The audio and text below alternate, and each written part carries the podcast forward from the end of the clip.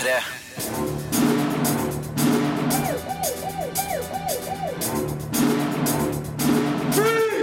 Filmpolitiet! What's your name, dude? Birger Vestmo. What kind of stupid name is that? Ai, ai, ai, ny fredag! Ny utgave av Filmpolitiet. Herlig! De her premierefilmene anmeldes i dag. Gone Girl oser av stil, klasse og kvalitet.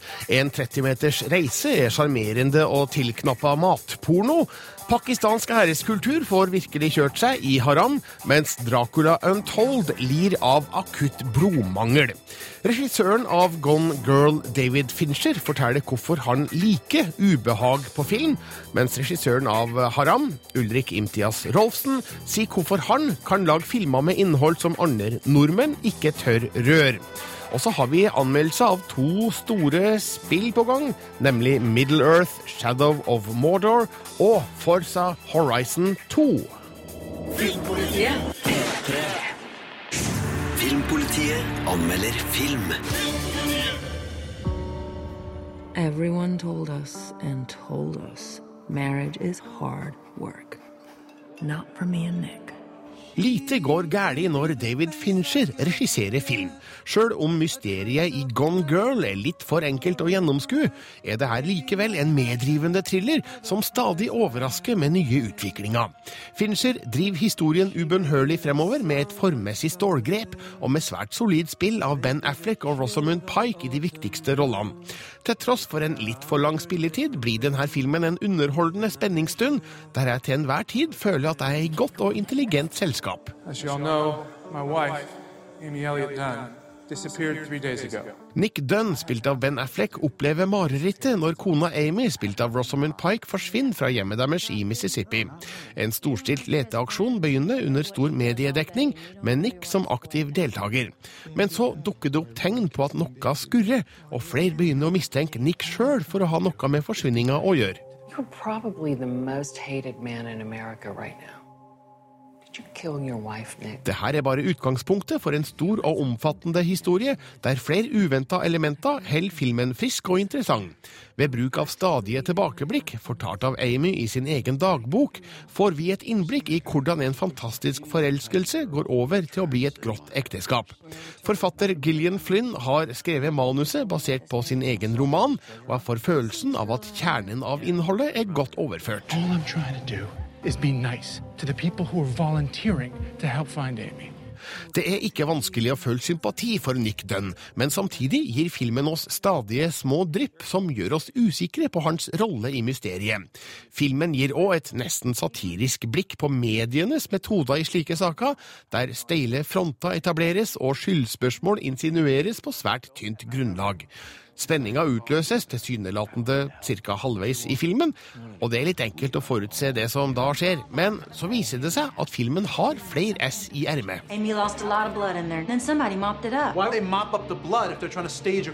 Gone Girl er en vellaga thriller som oser av stil, klasse og kvalitet. Jeg lar meg annet imponere av Jeff Cronenwets flotte foto, den stemningsskapende og foruroligende musikken signert Trent Reznor og Atticus Ross, samt hvordan Kirk Baxters redigering og Finchers regi gir den dialogbaserte spenninga en velkomponert flyt. Filmen er to timer og 29 minutter lang, og det kan hende at den med fordel kunne vært korta litt ned, men så lenge David Fincher serverer finstemt og formfullendt underholdning av beste merke, tåler jeg en litt overdreven lengde. You ever hear the expression, the simplest answer is often the correct one? Actually, I've never found that to be true. Terningkast fem Filmpolitiet. på P3. Premierefilmen Gone Girl er regissert av David Fincher, mannen bak en rekke sterke filmer som Seven, Fight Club, Zodiac, The Social Network og The Girl with the Dragon Tattoo. Nå har han filmatisert Gillian Flynns roman Gone Girl, og Flynn sjøl har skrevet filmmanuset. NRKs Michael Olsen Lerøen møtte David Fincher i Stockholm og spurte hvorfor han trodde denne boka var perfekt for film. What was it in uh, the Gillian Flynn Gone Girl uh, that made it a perfect novel for a David Fincher film? Yeah. Perfect novel. Um, it was the first time that somebody had kind of articulated and dramatized something that was that I hadn't seen before, and that was this notion of the facades that we all create in order to seduce our rightful mate, and how exhausting that is, and how people you know, I guess there's people talk about the seven year itch or what, but there's also the you know the end of the honeymoon period when when people who have entered into long term relationships suddenly realize that the other person in the relationship is not going to be the same person that they fell in love with. But they just can't keep it up. And and I thought that she couched it in such an entertaining way. It's a very um, kind of a scary thought that you know, if marriages are failing, you know, more than 50% of the time, why is this? And she did with great wit. You know, she, she projected an absurd look at a couple that are going through something that no two people should ever have to. And so the notion of what goes on in the bedroom with two people in private suddenly being magnified and, and set fire by, you know, the cable news tragedy vampires was really stunning. Mm-hmm. And I thought if she could capture that in a text that was filmable, that it would make a, a great movie. And she came back with one of the better first drafts that I've read because she was able to take a lot of the marbling away. And, and that would be, a, I think it would be more difficult almost to present, you know, to a novelist that you respect, to present a, a defoliated version of their text to them would be almost more awkward than the fact that they were presenting it to you. Here, I've taken all, I've taken 400 pages out. So tell me what you think. go, wow, that's kind of amazing that you were able to do that. And mm-hmm. and you know, she wanted to be there, and that she wanted to be the person. She wanted to be part of that decision making process. So I was thrilled. And then you you go uh, go about keeping us on the edge of what is happening, who is the good guy or the bad guy. Yeah. How do you do that? How do you package that for us? Um, part of it is, I think, being able to sort of imagine what it's going to look like, you know, and and a lot of the process with Gillian was, you know, she would she would write a scene and then we would talk about it, and then I would say, okay, so what am I seeing here? You know, I would always sort of couch it to her. What am I seeing? What, how are they behaving? What, what is the way that they're so? That, you know, because there's a lot of times where a, a writer will think that they're being witty and, and funny and you, you just don't get it. And so for her to be able to say, no, that's intended to be a joke. I, oh, okay, so what if that gets moved here so that the joke doesn't happen over the horror of this? So these two things aren't in competition with one another. Then I can imagine somebody coming in the door and having this discussion and then she tells him this and then he breaks his glass and then we, so it was talking through a, a lot of I mean, we had a really good blueprint. We had a novel that a lot of people really liked. And so that gave everybody sort of the assurance that we weren't insane. And then having uh, an ongoing process, first with Gillian, you know, to be able to say, if the scene begins like this, and if they're walking around, and if he's angry with her, and we're seeing this, and now we're seeing, now he reveals himself. Um, that's how I see it playing out. And then she would, you know, either resist that or say, okay, let me take that and go a little bit further. And then, of course, you do the same thing once you have the actors. You know, once you once you have Rosamund and once you have Ben and once you have Carrie Coon and and uh, and Tyler and, and Neil, we would sit in a room and go, now how do we make this better? How do we make this? How do we make this? How do we pro, prolong this this feeling that people n- need to have, or how do we shorten this and cut to the chase? So it's a process of um, you know working with a lot of really really talented people who are all chipping in. It's it's uh, it's stone soup. But it has um, something I find characteristic in your films. Okay. It's a it's a scare, but you don't know what it is. It's an unpleasantness. You don't know who can you trust. Yeah, yeah. I like being discomfited. You know, I, I, I feel like um, it's that's a perfectly valid emotion. You know, it's it's something that I think most movie studios try to kind of the well the audience is going to be they're going to kind of be feeling bad here. It's like yep. It's like well, do we want to feel bad that long? It's like can't we make them feel bad longer? It's you know I, i'm not of the mind that um, i'm not selling candy you know? I mean i remember there was a um, very famous movie by martin scorsese called the king of comedy. And and i remember going to see it on its opening night and there's this incredibly awkward sequence where the audience is beginning to understand just how uh, nuts and depraved um, uh, Robert De Niro's character is, and he brings his girlfriend to uh, Jerry Lewis's house, and he proceeds to behave in front of her as though he and Jerry Lewis are great friends, and that he's supposed to be there for the weekend, and he ends up giving her a tour of his home. And I remember watching this in the, in the theater, seeing the backs of everyone's heads. Mm-hmm 700 people in a theater, and everyone at that same moment started to do this. They were all sinking in their seats, and I thought that's such a great thing. Like it's like you don't see that very often. You don't you don't see people just going, "Oh God, get me out of here," and it usually doesn't make for a enormously successful movie. Um, but it's an extremely uh, interesting provocation and I like it. I, I like movies where you're going, oh no, oh please, no, please. Um, I like that. You know, I, I, I, felt that in, you know, I feel that in a lot of Hitchcock movies. I feel that in, you know, a lot of Polanski. It's the, it's the, I like those kinds of movies. I like it when the audience is. But you talk about two areas when directors actually had a lot to say. I mean, do you live in a different Hollywood? Because for instance, the ending of 7 mm-hmm. I never thought that would go through the Hollywood system. How do you? It didn't. it didn't. It was made by New Line. You know, I mean, New, New Line was the, um, at at that point in time they were very they were mini major. You know, they were they were sort of David and Goliath. They were the David of of Hollywood at the time, and they were you know they were making their bones by by being the sharp stick in the in the eye to to uh, to Hollywood you know, out of respect for the people who actually allowed for that movie to happen. I mean, Michael DeLuca, who was running the studio at the time, I think he was like 18 years old or 21 years old.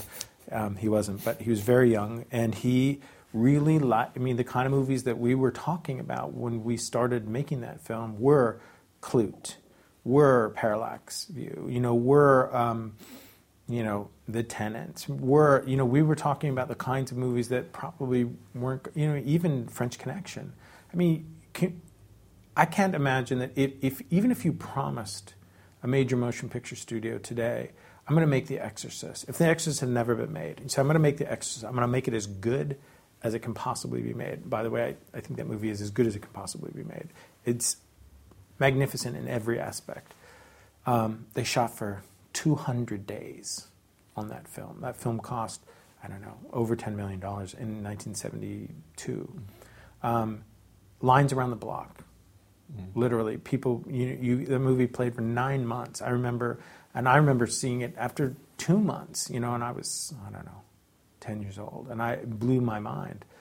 You could, even if you could promise this adjusted gross, of that movie today, which would be probably 600, 700 million dollars, um, no one would make it. Because of the darkness and the because of the end. content. Yeah. You're going to do what with a 12 year old? she does what when her mom comes in the room? Wait a minute, hold on a second. We have stockholders. You know, I mean, that, that would be, you, you wouldn't be able to. So at that time, Seven was a movie that the argument was finally made, and you know, and I think actually it was Brad and Morgan weighing in, saying we're not going to. It's a head in the box movie. We're doing the head in the box. The movie is quicksand in a lot of ways because it starts off professing to be a procedural. You know, the rules of a procedural are if the if you allow the detectives to gain their footing and get their insight into the villain, they will eventually cross paths with him and get in front of him. And they will put him away. That's what a procedural promises. And by the time John Doe shows up and gives himself up, covered in blood, all bets are off. and the movie becomes a meditation on evil and, and the cost that interfacing with evil has on all of the innocents. And, um, and that's what Morgan's talking about all the way through the movie. That's what Somerset is saying. He's saying, you, you know, if we interface with this at all, it will scar us. And this is the toll that it's taken on him. To negate that and suddenly, and I read, I, you know, they developed 11, 12 drafts of the script, and I read the 11th draft of the script, which was a joke. It was, you know, driving on the sidewalks, you know, it would be Brad racing back to save Gwyneth, who had just drawn a hot bath or something, and it was, it was, you know, John Doe sneaking in the back window, and then these weird explanations for why John Doe did the thing. You know, we don't care why the shark eats the swimmers. We care that the shark eats the swimmers. But was it was it an accident or was it hard arguments? It was not an accident that the film was that production began on the mm-hmm. film. Mike DeLuca said to me, I said, I have reservations. I would like to change this and this and this. He took me aside into his office and he said, David, if we go about developing this movie, we will never get the head in the box. If you say yes, I will be shooting in five weeks with Brad Pitt and Morgan Freeman, we'll make this movie. And I said, I've never heard anyone be so honest and so direct. Okay. And he was like, You're going to have to formulate this. You're going to have to figure out the stuff that you have a problem with. You're going to have to figure out why you're shooting it, how to fix it. But you got to say yes. And I said yes. And then when we cut the film together and we showed it to the producers and to the studio, you know, everybody was, they were ready to fire me and they were ready to do some, there was a whole discussion about whether or not Brad could find one of his dog's heads in the box at the end. and Brad, you know, Brad was like, "What are you talking?" I don't think he. I don't think he ever really. I don't think he ever really believed that that was a possibility. I think he thought we were joking, but that was where it was headed. And he put his foot down, and Morgan put his foot down, and we made some concessions. You know, we had to sort of tack on this uh, placebo Hemingway quote at the end. But it, you know, you make if you only have to make small compromises. Mm. It's amazing looking backwards. What about your your engagement in television? Are you free? Are you allowed a larger room? Will you make us the 50s crime noir that we're waiting on? wow. Um, I mean, I hope to. It, it, it's um, a motion picture is about 25 to 50 million dollars an hour to make a movie. That's about what they cost. Um, television is five to six million dollars an hour. If you're spending five to six million dollars an hour and you can get people to be in it that people want to see, that's a real good risk. Now, there are disadvantages to television. You know, you don't have as much money. You can't crash planes. You can't do you can't do all the stuff that you you can't do the stuff that in a weird way is sort of hamstringing Hollywood now. You know, Hollywood movies are are almost like sort of uh, CG porn. You know, it's like you're kind of going from what like we're gonna we're gonna destroy Times Square, and then we're gonna move and we're gonna destroy the East Village, and then we're gonna we're gonna go down. We're gonna destroy the Statue of Liberty. It's kind of become like you know how do you you know it's like in porn the the pizza delivery guy. It's like nobody cares about the character of the pizza delivery guy. You know, but in television, um, all you have are characters. You know, the, the, to me the big the big thing you try to avoid in television is turning into a soap opera. You know, how do you, you know, if you've got 12 characters that people love, it's like they don't all have to sleep with each other. They don't, no one has to murder, you know, you don't have to murder one a year. Um, but it kind of it eventually devolves to that. And I, and I think the, the hope would be um, the hope, obviously, in the case of, of, um, of James Ellroy, is uh, you know, this is a guy with some serious narrative chops. I mean, he is he is one for the ages. He is somebody that I, um, you know, admire and and emulate and and am constantly impressed with, and he is truly a voice, you know. And so if he if he if he can get the script there, that would be an amazing thing. But I don't think um, I don't think that the two things are necessarily. Um, one is not a reaction against the other. I'm not doing. I didn't do House of Cards because I was fed up with um, you know, what happened on Dragon Tattoo, um, you know, I, I went right back to making a film as soon as I could, you know, given my other, you know, entanglements. And, um, and I'll go back to television because I, I really like the summer camp of it. NRKs Mikael Olsen Lerøen møtte David Fincher i Stockholm. Nå er Fincher aktuell med norgespremierefilmen Gone Girl, terningkast fem, verdt å se. Filmpolitiet anmelder film. Bonjour. This is private property. Excuse me, do you own this property? No, no. Oh, that means you are trespassing too. I kjølvannet av The Lunchbox kommer enda en matfilm med heftige innslag av indisk krydder. En 30 meters reise er matporno av den tilknappa sorten, der sjøl de dypeste konflikter kan løses med litt garam masala. Regissør Lasse Hallstrøm har laga en pen og filtrert versjon av boka skrevet av Richard C. Morin. Filmen virker helt besatt på å sjarmere, noe den ofte makter, sjøl om det av og til renner over av safter og sauser. En matglad indisk familie havner i en liten fransk by, der de starter indisk restaurant. Men rett over gata ligger en restaurant med Michelin-stjerne, leda av Madame Mallory, spilt av Helen Mirren. Hun ser ikke blitt på konkurrenten, og starter en krig som etter hvert skal få uventa konsekvenser, bl.a. for det indiske kokketalentet Hassan, spilt av Manish Dayal. If your food is anything like your music, I suggest you turn it down. Jeg får inntrykk av at filmen går etter et visst spekter av publikum, nemlig dem som har illusjoner om at alt fra Østen er fabelaktig. De veit et eller annet om det å leve som ikke vi veit. Men samtidig gir historien noen interessante eksempler på kulturkollisjoner, sjøl om Hallstrøm velger å vise det her på en forholdsvis ufarlig måte.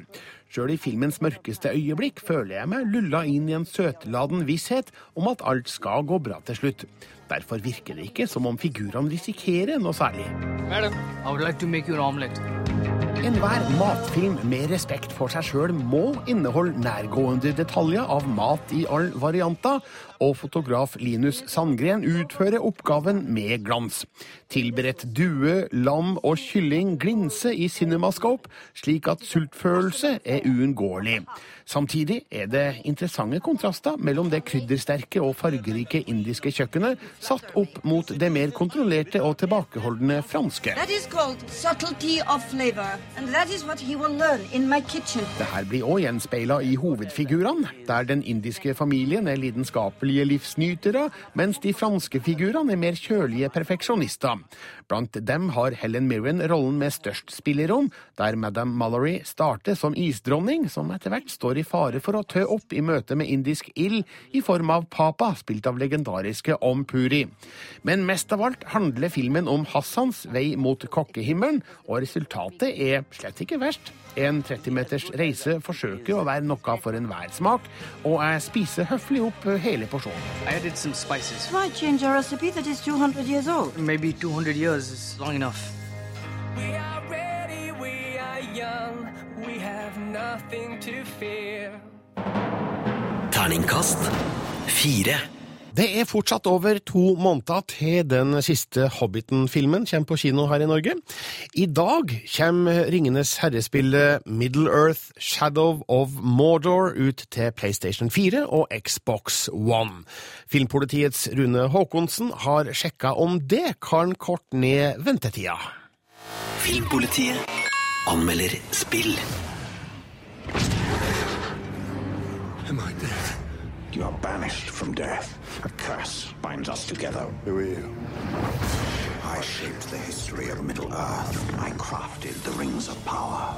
Middle Earth Shadow of Mordor kunne like gjerne hett Ringenes herre Shadow of Mordor. Spillet plasserer seg midt mellom den berømte bokserien og forhistorien Hobbiten for å bygge bro mellom de populære bøkene og filmseriene. I hovedrollen finner vi Talion, en mann som har fått sin familie drept av ondskapens krefter og blitt nektet døden pga. en forbannelse.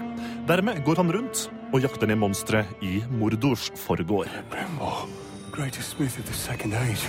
Sauron deceived you into making the rings. He tortured both you and your kin. I had a family once, and I buried them along with everyone I even knew. Perhaps that pain is what connects us. Kjente figurer dukker ofte opp i spillets fortelling, som f.eks. Gollum, Galadriel og Saruman. Men det er fra Tolkens rikholdige univers omkring disse figurene at spillet Middle-earth Shadow of Mordor henter sin største inspirasjon. Spillstudiet Monolithic har presset store mengder med informasjon og bakgrunnshistorie inn i spillet. Det indre livet til Uruk-krigere og store åpne omgivelser med referanser til språk og arkitektur gir spillet en grunnleggende følelse av å høre til under nettopp Ringenes herre-navnet. All over Mordor. I have seen Sauron's sons. They bring much suffering. Spillopplevelsen er svært lik Arkham-spillene med Batman og spesielt Assassin's Creed-serien. Men Middle-earth Shadow of Mordor klarer likevel å tilføre akkurat nok egenart til å skille seg ut. Hovedvekten for dette argumentet ligger på Nemesis-systemet, et dynamisk hierarki av uruk-orker som kjemper internt og reagerer på dine handlinger. Ved å kjempe mot og drepe en ledende kaptein svekkes Mordors grep på området, men taper du, vokser hovedfiendene i styrke og husker deg til neste kamp. Internt utspiller det seg også maktkamper, mens nye jyplinger forsøker å knive seg høyere opp i systemet. Til å begynne med vet du lite om disse krigsherrene, men ved å samle informasjon på bakken kan du finne ut mer om plassering, styrker og svakheter. Dermed er det heller ingen overraskelse at spillet og historien i høy grad dreier seg med ulike oppdrag for å overvinne de mektigste krigsherrene i hvert område. Come close if you want from that hand. What would you know that all these other dead orcs didn't? Come this way. Him. Middle-earth Shadow of Mordor sine svakheter kan kort oppsummeres i to punkter. Hovedpersonen Talion er like uttrykksløs som Liam Neeson i de etter hvert så beryktede kidnappingsfilmene Taken. Han ser ut som, og reagerer med like mye følelser, som en neandertaler-mannekeng på Naturhistorisk museum. Dermed blir aldri mitt engasjement for Talions jakt på hevn særlig sterkt. Det andre problemet til Middle-earth Shadow of Mordor er at fiender er elendige til å oppdage spillets helt. Snikesystemet gjør at du kan sitte på kne, knappe 15 meter unna mektige fiender uten å bli oppdaget. Det fratar spillet noe av dets troverdighet. Akkurat dette blir likevel en mindre irritasjon, ettersom snikeferdighetene brukes mest i trange leire, hvor fiendene står tett i tett. Middle-earth Shadow of Mordor tar velbrukte elementer fra andre action- og eventyrspill og gjør dem til sine egne. Med en tett kobling til Tolkens verker holder utvikleren seg tro mot de fortellingene vi nå kjenner godt gjennom Peter Jackson sine filmer. My power gives us a gateway to defeating the Dark Lord. Do not seek vengeance. This is the means. An army talion. One for us to lead. Terningkast fem. Filmpolitiet anmelder film. Hvis halve byen sier at du ikke er til å stole på, så må jeg forholde meg til det. Du og jeg er ferdig. Pakistansk æreskultur får gjennomgå i regissør Ulrik Imtias Rolfsens Haram, et hardtslående drama som kanskje er mer opptatt av stereotypia enn nyanser. Historien inneholder noen små logiske brister og noen litt tynne figurer, men Rolfsens knallharde fokus på et brennbart tema gir filmen en god intensitet. Den er òg flott fotografert, effektivt klippa og tøft lydlagt. Da er enkelte feilskjær lett å tilgi. Har du ikke boller, eller? Omar, spilt av Elias Ali, oppdager at søstera Amina lever, ni år etter at hun rømte for å unngå et tvangsekteskap. Faren og onkelen krever at Omar og fetteren Kuram, spilt av Sohail Anwar, finner Amina og dreper hun for å gjenopprette familiens ære. Samtidig går Omars rykte på en smell i Oslos kriminelle underverden. Du har ikke kontroll på folka dine? Ikke kontroll? Faen, jeg har jo fiksa det. Det her er altså en videreføring av universet som Ulrik Imtias Rolfsen åpna opp for oss i Issat i 2005. Det handler om familie, ære, kriminalitet og en enorm dose dobbeltmoral. Elias Ali spiller godt i en hovedrolle som er vanskelig å like. Omar går ikke av veien for å bruke vold og trusler for å oppnå sine mål, og er tilsynelatende blind for uhyrligheten i sin families æresbegrep. Det er en utfordring å følge en hovedfigur man lenge ikke har sympati for. Hei, det er fra politiet. Hva er greia nå. Jeg ser ikke noen grunn til at de bare skal stoppe oss. Hvorfor stoppet de oss? Hvorfor gjorde de det? Omars blonde kjæreste Silje, spilt av Katarina Gjesdal Lindstrøm, representerer tilsynelatende den etnisk norske naivismen som godtroende ser ut til å godta Omars stusselige forklaringer på sin egen livsstil. Norske jenta og nordmenn ellers omtales i svært lite flatterende ordelag i miljøet som filmen skildrer. Rasismen florerer i denne historien, og man kan spørre seg om Rolfsen er ute etter å advare eller provosere. Skal vi brenne huset for? Bli ferdig med hele leken. Man er drittlei oss. Det fins elementer i filmen som irriterer meg, som at Omar og Kuram kjører en fremmed bil til Trondheim for å ikke etterlate seg elektroniske spor, men bruker likevel mobilen flittig. Jeg sliter òg med hvordan det på et tidspunkt bryter ut en nesten vilkårlig gangsterkrig, samt hvordan spenninga avbrytes med et merkelig besøk hos verdens verste baker. Men Haram har en gjennomgående nerve som holder på interessen min, og skildrer et spennende miljø med personligheter som det både gjør godt og vondt å se på film.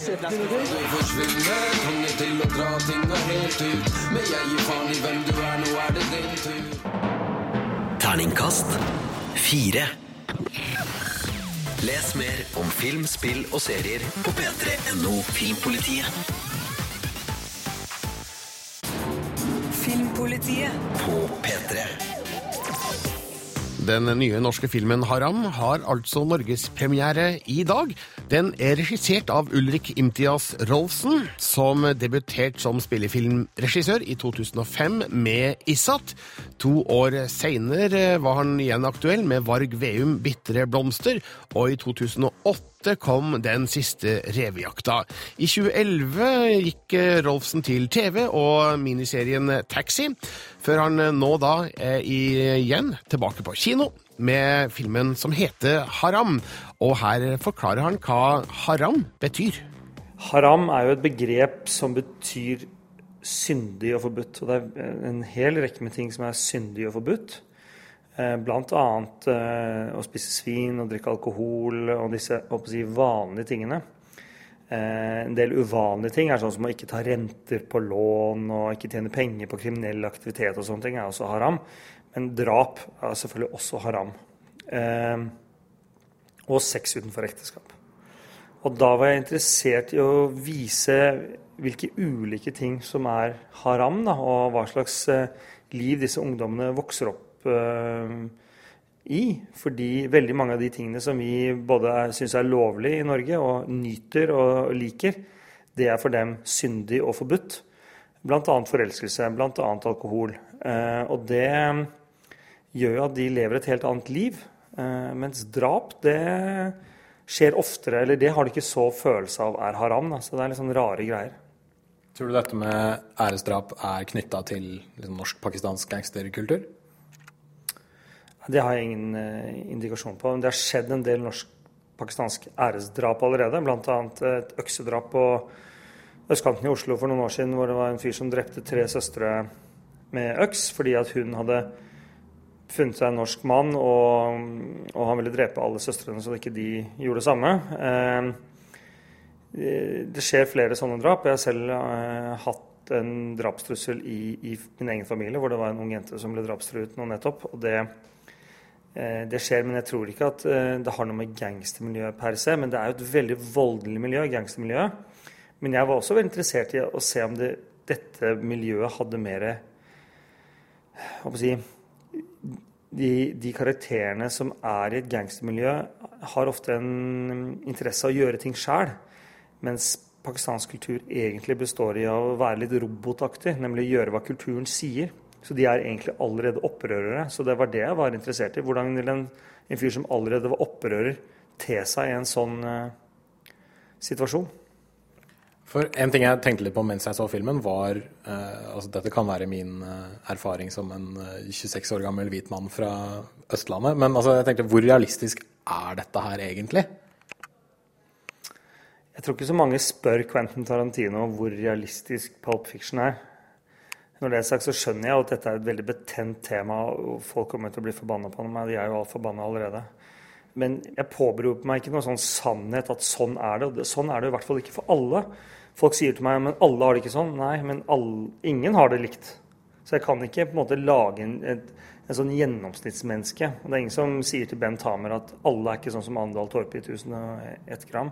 Så jeg syns egentlig det er litt sånn eh, det, Ikke for å fornærme deg, litt tåpelig spørsmål. fordi at eh, jeg er ikke ansvarlig for å vise hvordan alle har det, og hvor realistisk det er. Ja, jeg, absolutt det kunne skjedd. Men eh, det kunne sikkert Pulp Fiction også. Hvor tror du den kritikken kommer fra? Kritikken kommer fra at eh, nordmenn generelt er fryktelig redde for å tre inn i den kulturen, i, i frykt for å bli kalt rasister. Og dermed føler de må ha 100 belegg for at dette er 100% sant, før de tør å si noe som helst. Eh, og jeg er i den situasjonen at jeg kan ta disse kulturene og leke litt med dem. fordi at jeg, jeg er halvt norsk, jeg er halvt pakistansk. Eller jeg er helt norsk, men jeg har en pakistansk far. Så jeg kjenner kulturen. Um, og det gir meg en, en, frihet til å leke litt mer med det, mens andre er livredde for å gå inn i materien. Så eh, nå har jeg midt oppi en storm hvor folk driver og angriper meg for å ikke for å, for å kunne, At jeg kritiserer disse miljøene, for at de vil helst ikke bli kritisert.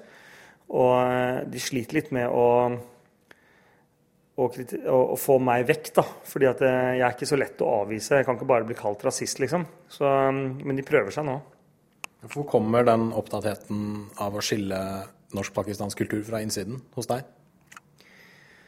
Etter at jeg lagde Varg VM og Den siste revejakta, som for så vidt også var, et, eh, var en kul opplevelse for meg, jeg var, hvor jeg var litt interessert i å vise at jeg ikke bare var en innvandrerregissør, sånn i gåseøyne, eh, så fant jeg ut at jeg hadde lyst til å skrive. Jeg hadde da på det tidspunktet laget fire filmer på fire år. Det var veldig mye jobbing. Brukte et par år på å skrive ut en del historier og fant ut at jeg har jo veldig mye jeg kan si om disse miljøene. Jeg liker jo at drama Jeg mener jo at drama kommer fra smerte. At det virkelig står noe på spill. De filmene som i Norge går skikkelig bra, er jo der hvor det virkelig står noe på spill, hvor ting er farlig. Å være seg Max Manus eller, eller Kon-Tiki eller Kautokeino-opprøret eller Sabeltann nå, hvor ting står på spill. Mens, mens, filmer som på en måte handler om det litt sånn bedagelig trivielle norske dagliglivet, ikke går så bra. For det, det, er, det er, litt tannløst og ufarlig i Norge. Så jeg, jeg liker å lage film om, om, situasjoner og miljøer hvor, hvor, ting virkelig er farlig hvis du trår feil. Eh, og, og, jeg har skrevet flere manus nå. Jeg har jo et manus som jeg har skrevet som blir en TV-serie i England. Og et annet manus som kanskje blir en annen TV-serie i England. Og, og, jobber i den materien. Og et av de, de tredje manusene jeg skrev, det var 'Taxi'. Så jeg, jeg, føler at jeg har noe jeg kan si om det miljøet. Jeg føler at jeg har en mulighet til å si det, noe om det, men jeg vil ikke være så politisk egentlig. Jeg vil først og fremst underholde publikum, men jeg vil underholde dem med substans. da.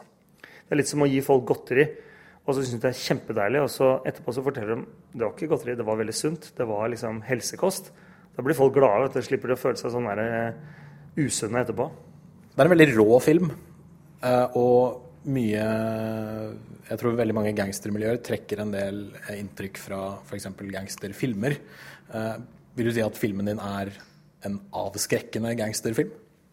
Både denne og Issat så har jeg hatt et eh, mål om ikke at, at, folk ikke skal ha lyst til å bli gangster etterpå. Jeg har ikke noe imot å skildre vold på film, men jeg har noe imot å skildre vold positivt på film. Jeg syns at vold skal gjøre vondt. Vold skal gjøre vondt fysisk og mentalt. Det skal ikke føles som noe lettvint å gjøre. Eh, og eh, jeg ønsker ikke at noen skal ha lyst til å gå rundt og, plaffe ned noen etter å ha sett mine filmer eller banke noen. Jeg vil heller at de skal kjenne på smerten over at det gjøres, og at de eh, blir pasifister. Jeg. Jeg er selv pasifist, men det er fascinerende med vold. For det at vold er veldig til stede i samfunnet vårt. Eh, det er veldig farlig, og det er veldig potent. Det er likevel en film som ender med et håp. Tror du dette, denne æredrapskulturen er noe som kanskje er litt i forandring? I, i kollisjon med, med, liksom, med, norsk samfunn og norsk kultur?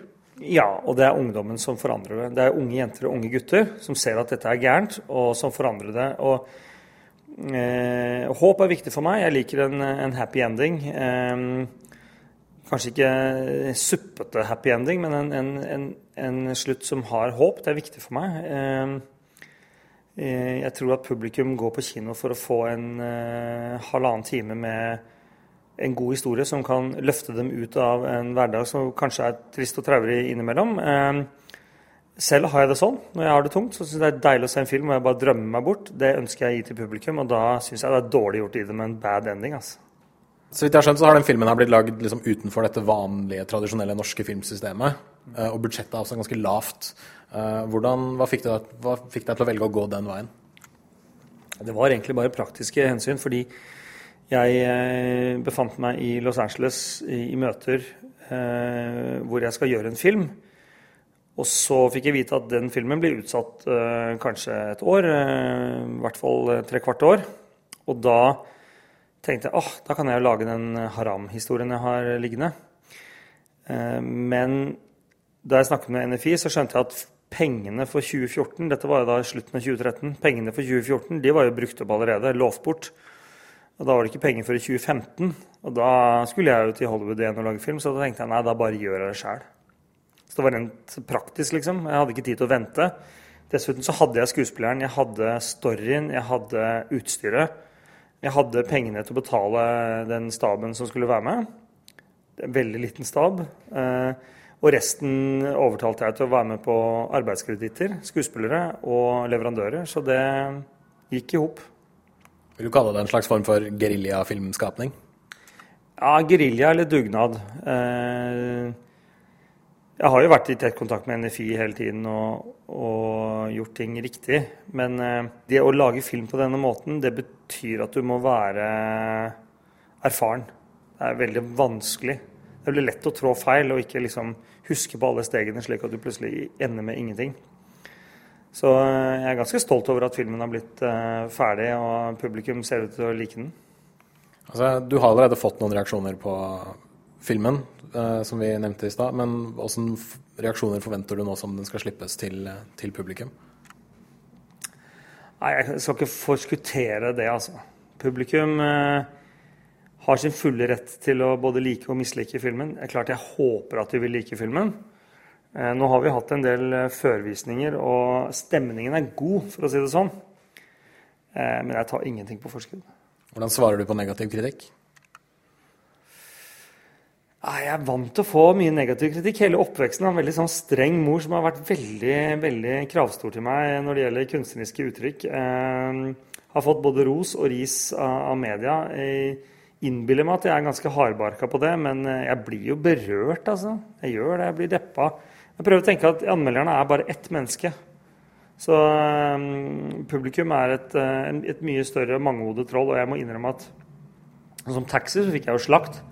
Men så endte den opp kjempebra og veldig populær og vant Gullruten. Så anmelderne har ikke alltid rett, føler jeg. Men det som virkelig rører, er jo når jeg møter folk liksom, i køen i, i Rema 1000 i Førde, liksom. Og så bare sier hør, jeg må komme bort til deg og si at den filmen der var fantastisk. Da føler jeg at jeg har gjort noe. Når publikum selv sier det til meg, jeg får feedback på Facebook og alle mulige steder, så det, det er kick, det er det, å, å, få det. Men det er klart man vil jo være anerkjent. Men jeg er ikke en regissør som uh, antageligvis blir sendt til Oscar-komiteen uh, fra Norge, liksom. Fordi at jeg, er ikke, jeg ikke stuere nok. Føler du at det holder for deg, eller vil du kanskje prøve å bli stueren nok? Nei, jeg tror ikke jeg har Jeg, kjenner ikke på noe spesielt behov for å bli stueren i norsk film. Jeg føler at jeg gjør det jeg har lyst til å gjøre, og det er veldig viktig for meg at, at jeg kan lage film som jeg selv har lyst til å se. Og at jeg har mulighet til å gjøre det. Jeg føler at skuespillere ønsker å være med på mine prosjekter. Jeg har muligheter til å lage film i Norge, og nå forhåpentligvis kanskje også i utlandet. Så nei, jeg har ikke noe behov for å liksom å Jeg lager jo ikke film for Filminstituttet, jeg lager film for publikum. Og hittil har det gått bra. Publikum har sett filmene mine i store, store mengder. Så nå er dette en mye mindre film, så vi får se hvordan dette går. Men ja, jeg er håpefull. Dette er jo et liksom, urbant gangsterunivers du uh, bygger opp. Uh, er det mulig at du går tilbake til dette universet igjen? Jeg vet ikke om du så hele filmen, jeg. Uh, der er det jo ganske eksplisitt lovet bort at det blir en oppfølger, så ja. Hvis, en, hvis, folk ser hele rulleteksten, så får de se en liten scene på slutten, og der lover jeg meg bort, for å si det sånn. Vi har storyen klar for oppfølgeren. den blir heftig. Må få litt større budsjett denne gangen, så det kan bli litt mer actionscener. Så det, det, Ja, det gleder jeg meg til. Det sa Ulrik Imtias Rolfsen, som altså er regissør av premierefilmen Haram. Reporter var Jens Erik Våler. Filmpolitiet på P3. Som jeg sa før låta, denne høsten har vært eh, smekkfull av nye bilspill. Hvorfor eh, skjer det, Rune Håkonsen? Jeg tror det har litt å gjøre med at eh, Xbox One og PlayStation 4-konsollene nå har hatt ett år på markedet sånn internasjonalt sett. Og det gjør at nå har utviklerne virkelig fått jobba seg fram til de virkelig store bilspillopplevelsene, hvor fotorealisme og åpne spillverdener er, er noen av stikkordene. Forza Horizon 2 kommer altså ut i norske butikker i dag. Neste uke allerede kommer Drive Club til PlayStation 4. I november så kommer The Crew til begge konsollene, og så har vi i tillegg Project Cars på vei. Så det er jo virkelig en høst i bilspillernes tegn, kan vi si. Ja, det er herlig! Si en som elsker bilspill. Det er deg, Birger! Ja, det er meg. Og eh, nå skal vi straks høre om eh, det også er deg. Filmpolitiet anmelder spill. Hey, it's Ben. How's the weather looking out there? Handling get a little lively in the rain. In 200 yards, turn right. Turn right. Her hører vi altså litt lyd fra Microsoft sitt eh, store, st sin store, store satsing på bilfronten Forza Horizon 2, altså ute til Xbox One i dag. Og jeg kan si med en gang at eh, det ser pent ut, altså, Birger. Ja, hvor pent eh, er det? Altså, er det fotorealisme da? Ja, nå, nå nærmer det seg. altså Vi, har sikkert sagt det hvert eneste år i mange år, at å, vi nærmer oss fotorealisme i spill. Men når det kommer til Forza Horizon 2, så ser bilene vel, veldig, veldig veldig virkelighetsnære ut. Refleksjoner i de, speil, altså Omgivelsene speiles liksom i bilen mens du kjører. Du kan se regndråpene som kommer på bilen. Og alt dette er en ganske interessant blanding som gjør at eh, Forza Horizon 2 på det rent tekniske leverer veldig, veldig godt. Men du, innholdsmessig, hvordan skiller Forza Horizon-serien seg fra Forza Motorsport? Eh, Forza Horizon 2 er et litt mer, et liten sånn sidespor, egentlig, men er på vei til å bli den virkelige viktige serien for Microsoft. Det handler om åpne spillverdener, det handler om, om sosiale funksjoner. Eh, I Forza Horizon 2 så kan du ta turen da til en, en, en komprimert utgave av Sør-Europa. Tenk liksom Nis, Cannes, eh, franske rivieraen, litt fjeller. Alt dette har de da komprimert inn i en ganske interessant spillverden som du kan kjøre rundt i eh, når som helst og, og utfordre andre spillere til løp. Sier du at jeg kan reise rundt i Cannes? Ja, en, en, ok, ikke, ikke en direkte kopi av Kan, men en, en liten fiksjonell versjon av Kan absolutt. Eh, Det som er interessant, er jo at eh, spillet er åpent og har veldig sosialt fokus, og det betyr at ulike avatarer fra andre spillere dukker opp i verdenen din, selv om de ikke er på nett. Altså, De har kopiert ned hvordan andre bilspillere kjører, og det gjør at eh, spillerne, altså, eller bilene og de de kjører mot i Forza Horizon 2, er veldig dynamiske og gjør menneskelige feil. Det gjør kjøreopplevelsen veldig godt. Dessverre så går ikke vanskelighetsgraden så mye oppover som jeg skulle håpa utover i spillet. Du, vent litt, vi må bare høre litt mer på lyden her. Turn left. Å, dæven steike! Men det, det som er det aller kuleste med Forza Horizon 2, er at spillet får meg til å føle meg skikkelig kul ut, som den kuleste kiden på ungdomsskolen. ikke sant? Fordi du hører disse greiene, du reiser til en festival og skal gjøre utfordringer og løp. Alt til pumpende elektronikamusikk og eh, rusende motorer. Og der tror jeg nok Forza Horizon 2 virkelig treffer eh, skal vi si, eh, spikeren på hodet, nemlig å gi deg følelsen, en, en komplett følelse av å omgi deg i denne bilverdenen og denne bilfestivalen som da tross alt heter Horizon. Så det betyr jo at jeg til slutt måtte gi en dom over Forza Horizon 2, og den er ganske god. Terningkast fem. Yes! Les mer om film, spill og serier på p3.no Filmpolitiet. Filmpolitiet anmelder film. I have been waiting an eternity for a man of your strength to arrive. Dracula Untold høres ut som en vitsetittel, og filmen er dessverre like dårlig. Ideen om å fortelle den kjente vampyrens forhistorie er for så vidt god, men ødelegges av en avsindig pompøsitet og overdreven bruk av digitale effekter. Dessuten er den dessverre tilpassa den amerikanske aldersgrensa PG-13, som er døden for en film som skriker etter å få være fullblods vampyraction. The Sultan is for battle and requires 1,000 boys for his army, including your son. Prins Vlad, spilt av Luke Evans, trues av den tyrkiske hærføreren Mehmed, spilt av Dominic Cooper. For å redde sitt folk i Transylvania fra en forestående invasjon, lar han seg bit av en vampyr, spilt av Charles Dance, for å få midlertidige krefter til å forsvare seg og sine. Men prisen er høy. Kreftene varer i tre dager, men dersom han drikker blod, vil vampyrforbannelsen vare til evig tid. Drink Dracula. Filmen inneholder storslagne slagscener, imponerende tablåer og en svært aggressiv lydmiks. Førstegangsregissør Gary Shore pøser på med velkjente sjangergrep, men med en altfor stor følelse av gjentagelser. Det her har vi sett nok av fra før, og Dracula Untold makter ikke tilføre noe nytt. Når klimakset bryter løs, gir det verken frysninger på rygg eller hakeslepp, bare en resignert likegyldighet over mangelen på nytenkning. Filmen er åpenbart ment å tiltrekke Game of Thrones-fansen.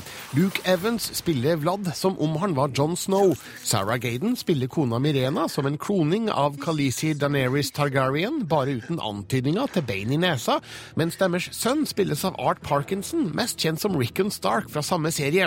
Charles Downs er også godt kjent fra rollen som Tywin Lannister. Til og med filmmusikken er laga av Game of Thrones-komponisten Ramin Javadi. Ting som det her gjør at filmen mangler egen identitet, og fremstår som en kopi av Beer-saka. What's happening to you? I'm the thing men fear. Not a ghost. Something else. Dracula Untold kunne vært bedre om Gary Shore hadde fått lov til å skru opp skrekknivået mange hakk, samt om de mange datakomponerte sekvensene hadde en litt mer virkelighetsnær tilnærming. Dessverre sitter vi igjen med en blass vampyrfilm som begår sjangerens aller største synd. Den lir av akutt blodmangel.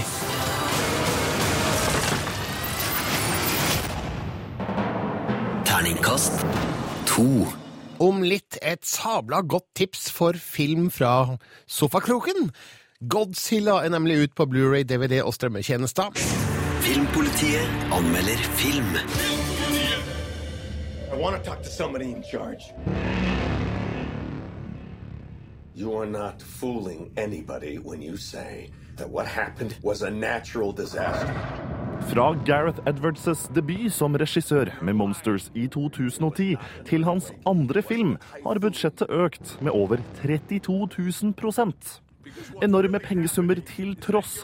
Den britiske regissøren har beholdt sansen for både drama og eventyr i Godzilla.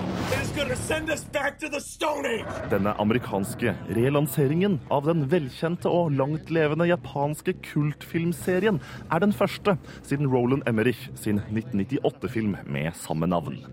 2014-versjonen er langt mer spennende og en mer selvbevisst adopsjon, med både referanser i behold og effekter av ypperste klasse.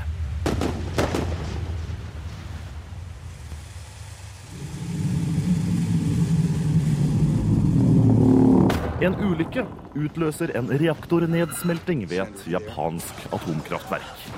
Men kjernefysikeren Joe Brody, spilt av Bryan Cranston, nekter å tro at et jordskjelv er årsaken. De neste 15 årene tilbringer han i en eremittilværelse, mens han stadig blir arrestert for å bryte seg inn i karanteneområdet for å gjøre sine egne undersøkelser. Da sønnen, sersjant Ford Brody, spilt av Aaron Taylor Johnson, kommer for å hente ham hjem til San Francisco, rammer nok et skjelv den tett bebodde japanske hovedøya Honshu. Noe stort rører på seg og setter kursen mot den amerikanske vestkysten. Mens tidligere Godzilla-filmer har fortalt om menneskets skjødesløse bruk og testing av atomvåpen som årsak til det dinosaurlignende monsterets opphav, fortelles det allerede i åpningen at de mange prøvesprengningene i Stillehavet på 50- og 60-tallet var spede forsøk på å ta livet av en eldgammel trussel. Not tests. They were trying to kill it. I Gareth Edwards' hånd er Godzilla en urgammel naturkraft som kun viser seg når balansen er i ferd med å tippe i feil retning. Og det som sitter på den andre sida av vektskåla i Godzilla-filmen, er andre monstre. Mutoskapninger. Massive Unidentified Terrestrial Objects. De er åpenbart inspirert av Godzillas mange motstandere fra den originale japanske filmserien. Game. So. Godzilla selv har også fått en seriøs dose steroider. Stor, større, størst. Når han først ruver gjennom en storby, er ødeleggelsene enorme. Kontrasten mellom filmens første to tredjedeler og den siste akten forsterker dette. Mens andre storfilmer gjør ironi til et bærende poeng, maner Edwards fram samme undring og ærefrykt som Spielberg først ble kjent for i filmer som Nærkontakt av tredje grad, og ikke minst Jurassic Park. Edwards har med andre ord ikke hast med å landslå sansene til publikum i 2014-versjonen av Godzilla. Oppbygningen gir rom og tid til å bygge opp mytologien i tilstrekkelig grad. Deler av oppbygningen til filmens obligatoriske money shots er likevel i overkant lang. Men det skyldes filmfigurenes overforenklede fremstilling. Look. Selv med Oscar-vinnere og nominerte skuespillere som Juliette Binoche, Ken Watanabe og David Strathairn i utfyllende roller, har filmens aktører blitt forenklet til grunne tegneseriefigurer. En grundigere skildring av menneskene som rammes, ville løftet det emosjonelle engasjementet til filmens katastrofale historie enda et par hakk. Something killed my wife, and I have a right to know! Godzilla anno 2014 er en ekte sommerblockbuster som med stor selvsikkerhet bygger seg opp fra den rolige starten frem mot filmens klimatiske scener. I monsterets ødeleggende kjølvann legges ikke bare storbyer i ruiner, men også den menneskelige kostnaden skildres ublygt. Regissør Gareth Edwards lykkes med å gi det legendariske filmikonet et skikkelig Hollywood-comeback. Og sann mine ord, dette blir ikke siste gang Godzilla truer menneskeheten. Men neste gang vil jeg se enda mer av det fryktinngytende monsteret.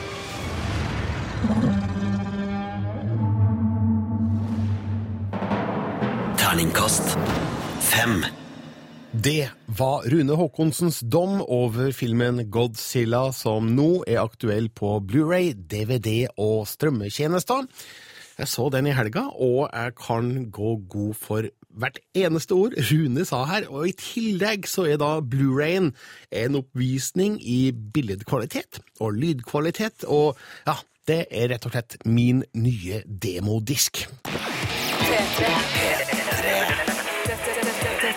Filmpolitiet med Birger Vestmo.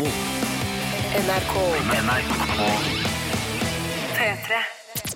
Hør flere podkaster på nrk.no podkast. P3.